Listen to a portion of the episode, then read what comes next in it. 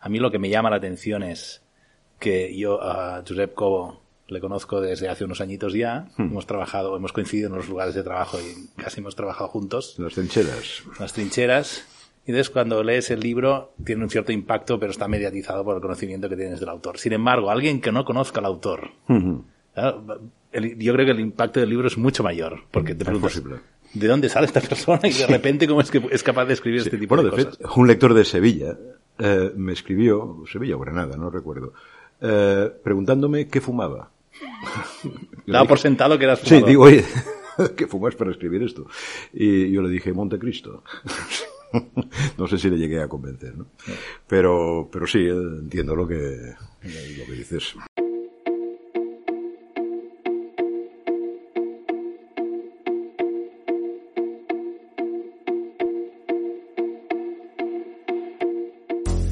Bueno, eh, hoy en nuestro podcast que hemos empezado en frío, un podcast indefugibles de la Cátedra de Ética y Pensamiento Cristiano, tenemos al autor Josep Cobo, que ha escrito una serie de libros de contenido teológico y filosófico, cuyos títulos son, por cierto, Incapaces de Dios, La paradójica realidad de Dios y el último, completando la trilogía Anatomía del Cristianismo, y que han causado, pues ciertamente, un buen impacto en, en España y entre los ámbitos, y sobre todo entre- en el ámbito de las personas que estudian teología y que se interesan por ella.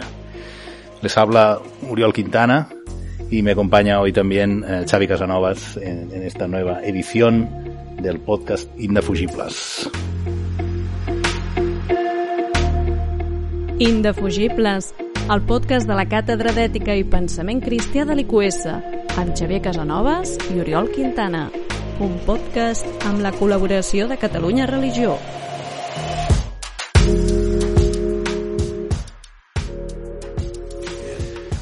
Bueno, mi primera pregunta eh, intenta ser un poquito in your face, que se dice, en toda la cara. Josep Cobo, imagínate que quiero autorrealizarme como persona. ¿Tú me recomendarías hacerme cristiano? No puedes. ¿Qué quieres decir? No, no- no puedes hacerte cristiano queriendo hacerme cristiano. Es como eh, si ahora yo me dijera, con que sé que de lo que se trata es de perdonar a mi verdugo, pues nada, voy a ver si me tortura alguien para poder perdonarlo. No va por ahí los tiros, Oriol. Sí, ya sabes lo del producto lateral, ¿no? No, ¿qué te refieres? Eh, es un término de la sociología o la psicología social que, que dice más o menos así. Tú no puedes eh, pretender dormir, te- eh, sufres insomnio y por tanto no puedes decir ahora eh, voy a intentar dormir y tal porque no, no. Eh, sino que duermes haciendo otras cosas. ¿no? Pero- o, o como pretender ser feliz. ¿eh? Tú no, "Ah, ahora voy a ser feliz. No, en todo caso lo serás haciendo otras cosas. O sea, lo que quieres decir es que... Ahora, si... Perdona, ¿eh? Didi, Si... Si prescindes de lo que te dice el cristianismo, de- del mensaje cristiano, es posible que tu vida quede reducida a oficio, nuestra vida también. ¿eh? pero no, no puedes elegirlo. no puedes elegirlo, o sea... No, eliges cuando tienes... eh, mira, el otro día lo decía en una charla, que, que la fe... eh, La fe tiene su momento, nadie, nadie tiene fe. Creemos que tenemos fe, pero, pero, pero la fe tiene su momento. La confe- como, como sabes perfectamente, eh, la confesión creyente inicialmente se hacía ante el representante del César. ¿no? O Cristo o César. Y claro, ahí, ahí era el momento de la verdad, por decirlo así. ¿Te ilusión ser cristiano? No, claro que no. Pero a ver. O sea, entiendo, ¿eh? O sea, es- se- estás confesando a Jesucristo cuando esto significa que puedes morir. eh, Como, ¿vale? O que te estás Sí, jugando claro, realmente algo. claro, algo, sí. Bueno, a ver, pero sin embargo, mm, existe una cosa que se llama sacramentos de iniciación cristiana. Entonces bautizamos a nuestros hijos y Ah, los llevamos claro. a catequesis Ah, y, y participamos de los sacramentos y nos consideramos miembros de la iglesia. Lo que estás diciendo igual es que esta es la, como nuestra parte, pero la, la verdad empieza en otro momento. Sí, sí. eh, No no digo que esto no tenga sentido, ¿no? Mira, el otro día me preguntaban, ¿no? ¿Y por qué bautizaste a tus hijas? Digo, bueno, pues del mismo modo que, que les hablo, bueno, quizá no del mismo modo, ¿eh? Pero que, que les hablo de Dostoyevsky, o, o, o, de Dante, o, ¿no? Digo, no, esto vale la pena. Entonces, yo quiero para vosotras lo que vale la pena. Pues, eh, vale, yo creo que esto tiene sentido, ¿no? No, que cuando sean mayores ya elegirán. Digo, sí, pero no, ¿qué, vas a elegir? Como eliges en el supermercado. Digo, no, no va de esto, ¿no? Eh, pero eh, lo que sí creo es que esto solo tiene sentido si tienes muy presente las historias que hay detrás. ¿no? Las historias que, que, que precisamente dan sentido a, a la opción creyente. Lo que, lo que dices, creo, si lo entiendo bien, implica que uno puede creer decirse a sí mismo que es cristiano, así como durante toda la vida, y no haberse enterado de la película en ningún momento, pero tampoco culpable, tampoco no, sería su no, culpa, culpable no es la porque no, no, no, se ha encontrado con una tesitura. Sí, y, pero no hace falta encontrarse con una tesitura, porque probablemente nosotros eh, dejemos este mundo eh, sin, sin haber estado al pie de ninguna cruz, y eso también es una suerte. Pero, pero yo creo que sí que nos equivocaríamos, y utilizo esta palabra conscientemente, si, si, no, si no tuviéramos presente esas historias que, que, que, dan sentido al credo, en definitiva. ¿no? Porque tú lees el credo y te preguntas eh, qué hechos lo hacen verdadero, y esa pregunta es literalmente impertinente. No porque no sepamos responderla, sino porque no se trata de... ¿Qué historia, ¿A qué historias te refieres? Bueno, comencemos por la de que cuentan los evangelios. Mira, una de la, las... la, la, crucifixión. Te claro, claro. Mira, una de las historias que suelo contar, sobre todo en, cuando nadie me ha escuchado antes, es aquella de las madres del Salvador. Que, que le escuché a John Cortina hace, no sé, dos siglos, una cosa así. Eh, y, y, él mismo nos decía que, que, que, no había comenzado a ser cristiano, y tenía unos 50 años, ¿no? uh, hasta, hasta que no vio eso. ¿Y, ¿Y qué es lo que vio? Pues pues mujeres que, que, que, que, dieron su sangre para salvar a esos soldados que en una operación contra la guerrilla habían violado probablemente y matado a sus hijas, pues esto, momentos antes. Claro, la pregunta es, ¿qué es esto? ¿Qué es esto? Lo que me recuerda a una, una frase que he sacado de tu libro último, Anatomía del Cristianismo, que, que dices, creer es creer en la posibilidad de la bondad en medio del infierno. Exacto, sí, sí. sí, sí.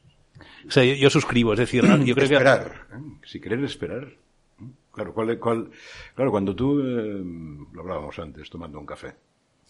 Uh, mira, yo espero que haya una vida más allá. Bueno, eso es este tipo de esperanza tiene que ver con tu necesidad de que, de que la muerte no sea un final. ¿eh? Uh -huh. Y por tanto, ¿de qué estamos hablando? De la cháchara. No sé, vale, muy bien, tú crees esto, pues yo creo, no sé. O la reencarnación, o lo Sí, sí, sí. Y yo qué sé, los unicornios. ¿eh? Vale. Pero, pero claro, esperar que al final los muertos resucitarán. Para que los que murieron antes de tiempo a causa de nuestra impiedad puedan vivir la vida que Dios nos ha dado, esto, esto es literalmente increíble. Tú no puedes esperar esto sensatamente. Entonces la, pregunta es en nombre de qué. Digo, mira, yo he visto gestos de bondad, actos de bondad en medio del infierno y por tanto el final no puede ser este. Ah, ¿y cómo te lo imaginas? Digo, es que no me lo imagino, porque si me lo pongo a imaginar me van a salir imágenes tan increíbles como las de Isaías. Las de Isaías. Mira, el, el otro día en, un, en una charla, la, de Salamanca, de, de, esa historia de, una madre camboyana que, estuvo prisionera en los campos de Pol Pot con su hija. Ella se hizo cristiana. ¿Y por qué se hizo cristiana? Por, por lo que ahora voy a decir. Estaban ahí, bueno, ya os imagináis los campos de Pol Pot. Eh, llevaban días sin comer y entonces la hija ve una manzana mordida ahí pues tirada en el suelo. Entonces va por ella y comienza a comérsela. Y la madre, ¿qué es lo que hace? Se la arranca de la boca y se la come ella. La hija murió de inanición unos días después. Y entonces le preguntan, ¿por qué te hiciste cristiana? Dice, mira, porque espero que mi hija resucite para encontrarme con ella y que pueda perdonarme. ¿no? Ah, esto, esto es insensato, digo, claro. Y por tanto, cuando dejas a un lado estas historias, no nada, no nada tiene sentido, de acuerdo. No nada. Pero esto refuerza mi idea de que no todas las personas nos enfrentamos a situaciones tan límite. Es verdad que, que podemos no. conocerlas, pero y tenemos que entender que el universo es un sitio donde suceden este tipo de cosas. Y Claro. o nos lo tomamos en serio, Claro. o, o nuestra claro, fe no claro. tiene... Por eso digo, por eso digo, eh, gracias a Dios, probablemente no tendremos este tipo de experiencias. Yo no prefiero tenerlas. ¿m? Yo no, no prefiero, eh, por esto te decía al comienzo, Eh, sí, sí. no, no prefiero arrancarle la, la manzana de la boca de mis hijas. Pero hay que tenerlas presentes. Hay que tenerlas presentes. Bueno, yo estoy, estoy de acuerdo contigo. Lo que pasa es que me pasa con toda la gente que viene al podcast que acabo estando de acuerdo con ellos siempre, pero no, sí que es verdad que, es o sea, sí, yo también en- entiendo que la fe es tener una visión real del universo, es decir, de la, de la ausencia de bien que hay en el universo, ¿no? la aparente indiferencia del universo a nuestras vidas, nuestras existencias. Ah, sí. Y a pesar de todo, confiar que hay una bondad detrás. Eh, ahora bien, luego, ahora que le paso la palabra a Xavi, ¿eh? pero, pero acordarme ya la siguiente pregunta. ¿Esta en bondad que hay detrás del universo, ¿se puede experimentar? Le paso la palabra a Xavi. Yo lo dejo apuntado ahí porque es que si no... Bueno, yo no, no he hablado de la bondad que está detrás del universo. Esto tú. Eh, sí. Ha- Hablo de la bondad de Echacuerpo, que es otra historia. En, yo creo que es en el segundo de los libros, no en, no en este, ¿no? Hablas mucho de las condiciones de posibilidad de la, de la creencia hoy, ¿no? O de que de alguna forma hoy como que, claro, es tan inverosímil, las imágenes del Evangelio, el credo, es algo totalmente inverosímil en nuestra mentalidad moderna, am, que hace como imposible de alguna forma que hoy seamos creyentes. Pero tú dices, no, y además es imposible porque realmente es imposible por parte de nuestra voluntad, ¿no? O sea, desde tu perspectiva y con esta lectura que haces de, de la fe o del, o del, bueno, la que haces tú y que consideras que es la, la, la única o la, o la, o la, o la verdadera, ah, pues qué futuro para el cristianismo hoy, porque claro, si estas experiencias de las que estamos hablando, pues en nuestra sociedad que parece que vivimos en el, en el final de los tiempos, porque claro, ya ha pasado todo, ¿no? Para nosotros, en nuestras sociedades occidentales, estas cosas teóricamente o no, no, no pasan, digamos, ¿no? Nuestras vidas son completamente, de hecho, es, es el problema que tenemos hoy en día, que son totalmente homogéneas, son totalmente, eh, o sea, no hay vida detrás de nuestras vidas muchas, muchas veces, ¿no? Oficio. ¿no? Y, y entonces, para nosotros, ¿qué posibilidad hay? ¿O qué, o qué palabra hay? mm, o sea, Quizá, del- quizá, del quizá, eh, me habré explicado mal en el libro. Eh, porque, porque no digo, o creo no decir, que, que no haya posibilidad de vida cristiana hoy en día.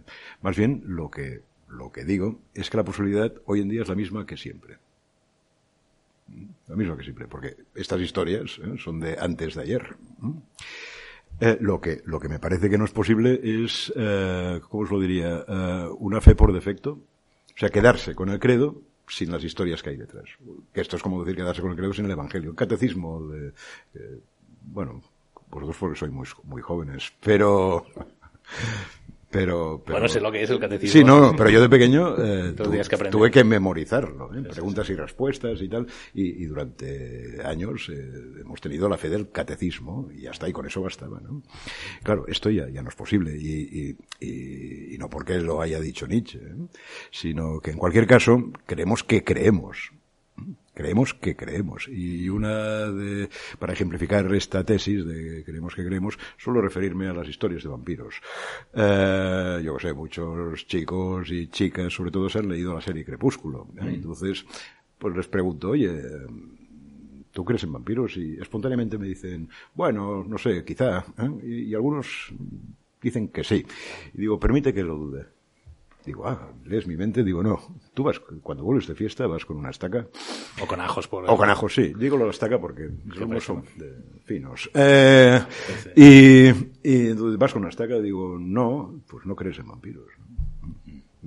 ¿Tú crees que, que, que el pobre te juzga? ¿Tú lo crees? Sí, no, y, y- ¿Y te quedas igual? y te quedas igual. Sí, sí, sí. Ah, bueno, en fin, yo de- de- venía, la pregunta de antes era si se puede experimentar la bondad en este universo. O, dicho de otra manera, ¿existe la experiencia de Dios? Que es, pues, supongo lo que quiero preguntar. Sí, sí, sí, sí. Y Bueno, te refieres estoy- exactamente a esta cosa, o sea, a esta Sí. experiencia mediatizada por personas. Sí, pero que- fíjate, fíjate que, que- qué cosa más, ¿cómo te lo diría? Desconcertante por, por no decir inaceptable. A ver lo que he dicho ahora. No, dice el cristianismo. Que, que- que Dios tiene cuerpo. Piénsalo bien. Dios tiene cuerpo. De tal manera que no es nadie sin su cuerpo. O aún nadie. esto no es homologable a lo que entendemos espontáneamente por divino. Es lo que te iba a preguntar, porque tú estás todo el rato diciendo contra la evidencia de los sentidos que el cristianismo no es- una religión. Claro. Y esto tienes que explicarlo. Venga, lo explico brevemente. Porque claro, el Eh, cristianismo no es una religión. Bueno, entonces, estos sí. miles de, unos varios millones de creyentes. bueno, ahí en Salamanca eh, dije esto, que está más cerca del ateísmo que de la religión. y- ¿No te echaron? No, asintieron. Alegro claro, luego ti. tienes que explicar de qué estamos hablando, de qué hablo cuando utilizo la palabra religión. Claro, eh, cuando utilizo la palabra religión me refiero a esa creencia que da por descontado que hay un Dios ¿no? como nosotros, y esto al margen de cómo entiendas lo divino, ¿eh? del mismo modo que, que hay focas en el Polo Norte. Entonces, eh, entonces se Eh, parecería un poquito luego- al vampiro, pero en plan bueno, digamos. Sí, bueno, sí. Un ser Lo sobrenatural. Eh, lo que ocurre es que cuando decimos que, que hay Dios como quien no quiere la cosa, es porque quizá hayamos olvidado qué significa ser un Dios, ¿no? Eh, y sobre todo cuando decimos que, que intimamos con Dios y que Dios está en mi corazón y tal, bueno, vamos a relajarnos un poco, porque si sabes qué significa la palabra Dios, no te vas a quedar tan tranquilo. Entonces, claro, eh, si, si, de entrada, un Dios no quiere saber nada de nosotros. Por definición, como no, nosotros no queremos saber nada de las pulgas de las mascotas, salvo exterminarlas. Eh, pero bueno, el cristianismo dice esto. Dios te ama. ¿Y entonces qué, se imagina la gente? Pues que hay algo así como un fantasma bueno. Hay algo así como un fantasma bueno que cuida de nosotros de manera desconcertante. Y, y esto no, no, no es lo que dice el cristianismo. Otra cosa es que haya sobrevivido con este malentendido, pero el, el cristianismo estrictamente no es una religión en este sentido. ¿eh? En ese sentido. Claro, si Dios tiene cuerpo y no cabe otro estar ante Dios que estar ante el que cuelga de una cruz, y si quieres añade tras el tercer día, em, bueno, esto no, no, no me parece equiparable a la idea de, de, de un Dios interior que, que va a su bola y que de algún modo te electrifica, como tampoco es homologable al Dios océano, obviamente. A esto, a esto iba yo, porque hace 15 días, ¿no? Que presentábamos el, lib- el libro tuyo en Cristianismo y Justicia, yo hice como una especie de caricatura al inicio de los diferentes lectores de Josep Cobo. Y, es verdad. y, y una de las caricaturas es la siguiente, ¿no? Y es la de la persona que, claro, cuando te escucha a ti decir que el cristianismo no es una religión, dicen, ah, claro, porque porque lo importante es la espiritualidad, ¿no? No la religión, ¿no? Eh, no, esta es, esta es la respuesta de mucha gente y por lo tanto, bueno, te escucha a ti y entiende que tú lo que estás es sumándote, digamos, ¿no? A una especie de corriente hoy en día que, que sí que puede acabar sustituyendo a la religión sociológica que conocemos, que es esta de estas espiritualidades de mercado, llámale como quieras, ¿no? Bueno, ya lo has sustituido. Ya lo has sustituido, de hecho, ¿no? Pero claro, tú no estás diciendo esto. No, claro. No, no, no. no, no. De hecho, no, no, no es que niegue la espiritualidad. Pero la espiritualidad cristiana no es eh, la espiritualidad del océano, por aquello. El horizonte de la espiritualidad cristiana eh, no es el de disolvernos como muñecos de sal en las aguas de, Tony de Melo. Sí, sí, sí, sí, sí, sí, sí. Bueno, eso hace mucho bien a mucha gente. Esto hace mucho bien a mucha gente. Pero es penúltima palabra. Es penúltima palabra. Todo esto salta por los aires ahí donde... Entonces mi pregunta es, ¿cómo tenemos que relacionarnos con Dios? ¿Cómo? ¿Cómo tenemos que relacionarnos con Quizá la Dios? pregunta es cómo Dios se relaciona con nosotros. Es decir... ¿Pero hay eh, alguna posibilidad del hombre de girarse Sí. hacia Dios? Es decir, Sí, me parece sí. que tu, tu planteamiento niega toda posibilidad de, de religión, por supuesto. Ah, eso sí. La religión entendida en este sentido. y- pero de espiritualidad, bueno, hasta cierto punto también, digamos. eh, Mm, Yo creo que no. Yo creo que no. El, porque de algún modo, claro, tú, eh, respondo a tu primera cuestión. El, ¿cómo, te, ¿Cómo te relacionas con Dios? Respondiendo a, a la relación que Dios ha tenido contigo. ¿Y, y qué tipo de relación es? No, no es una que se decida en tu interioridad. ¿Mm? En todo caso, la interioridad hace de cámara de, ¿cómo se llama? ¿De resonancia? Sí, de cámara de resonancia. De, de, de lo de ahí fuera. sí. sí, de lo que hay fuera. Entonces, eh, la fe siempre es una respuesta. La fe siempre es una respuesta. ¿no? ¿Y ¿Cómo nos relacionamos? Bueno, en, en el sofá no creo. Pero, pero claro, mm, es lo del joven rico. Tu pregunta me suena a la del joven rico. ¿Qué he de hacer, qué de hacer Sí, para sí, ser sí, más perfecto? Sí, sí, sí. Entonces Jesús pues dice, va, no sé, sé buen tío. Ves a, ves a misa o lo que Sí, sea. ves a misa y, y sé buen tío, colabora con Osfam, eh, eh, no sé, eh, ve al químic a la carrera, que allà tindràs eh, una formació eh, espiritual y tal, juntament amb l'acadèmica. Va, ai, eh, vale, todo esto, sí. Y entonces el joven rico le pregunta, ¿y qué hay más allá de esto? ¿Qué hay más allá de esto? De relacionarse con Dios. Digo, ah, ah, ¿esta es la pregunta? Déjalo todo. Sí, entonces ven. Sí, sí. Entonces ya estamos ante otra historia. Literalmente ante otra historia. Bien. Eh, no, no cambiamos de tema, por supuesto, pero sí todavía te- tenía una pregunta apuntada. Es la de. eh, por- ¿En qué consiste la impiedad? Y me parece eh, haber leído en tu libro que los hombres tenemos tendencia a la impiedad. Tendencia Por- no. ¿O somos naturalmente impíos? ¿Puedes, sí. ¿Puedes explicar un poquito a qué te refieres? Bueno, eh, es, es algo tan sencillo como hablar de- de- de- del pasar de largo. ¿No? Sí, sí, claro, a ver, ¿qué, qué, qué te dice la Biblia? Que el otro es tu hermano. ¿no? Y dices, vale. Y entonces cantem, cantamos el Germanats a misa. ¿no? Eh, Y, sí. y- y decimos, ah, que mira qué bien. Digo, no, el otro es tu hermano significa que aquel, yo qué sé, mm, aquella, aquella mujer que se está prostituyendo en las ramblas para alimentar a su hija. Es tu hermana. Claro, si a mí me dicen, llevo 20 años sin ver a mi hermana, no es así, ¿eh? pero supongamos que llevo 20 años y me dicen, hemos visto a tu hermana en, ¿Las ramblas? Sí, en las Ramblas prostituyéndose. Si, si ahora me envían, pues esto, un mensaje de texto con esto, ¿qué, qué os diría? Eh, supongo. Ah, oye, perdonad. Sí, tengo, tengo que ir, tengo que ir a la calle hospital, porque me han dicho que ahí está. Claro. El, el, el cristiano es un descentrado. Es un descentrado. Y, y descentrado precisamente por, por esto, por, por la voz de los que no tienen el pan de cada día. Y claro, tampoco tú puedes decidirlo. En todo caso, puedes aproximarte a que yo te diga, bueno, pues me hago de arrels. Bien, eso está muy bien. Eso está muy bien.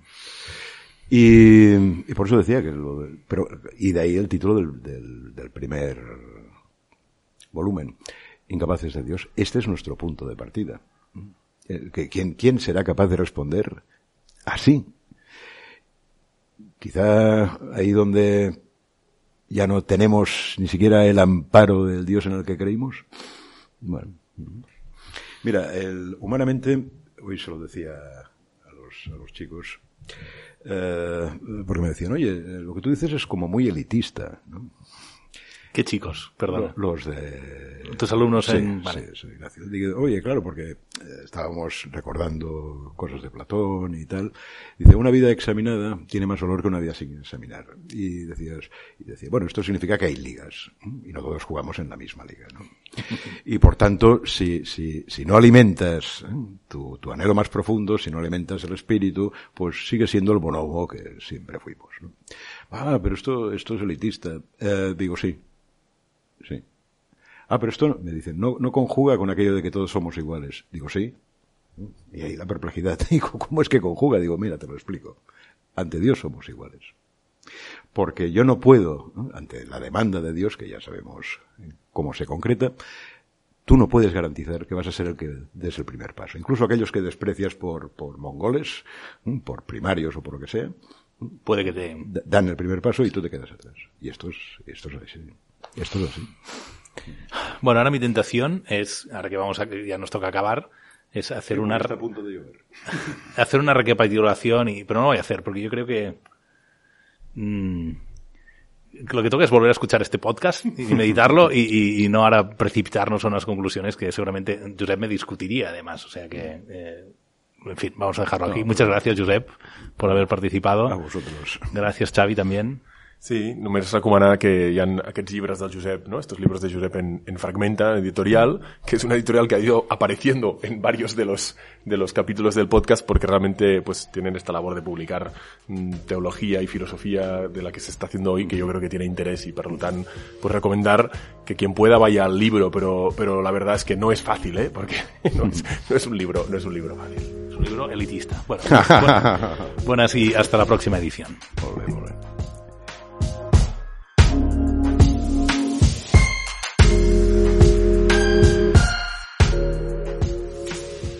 Catalunya Religió.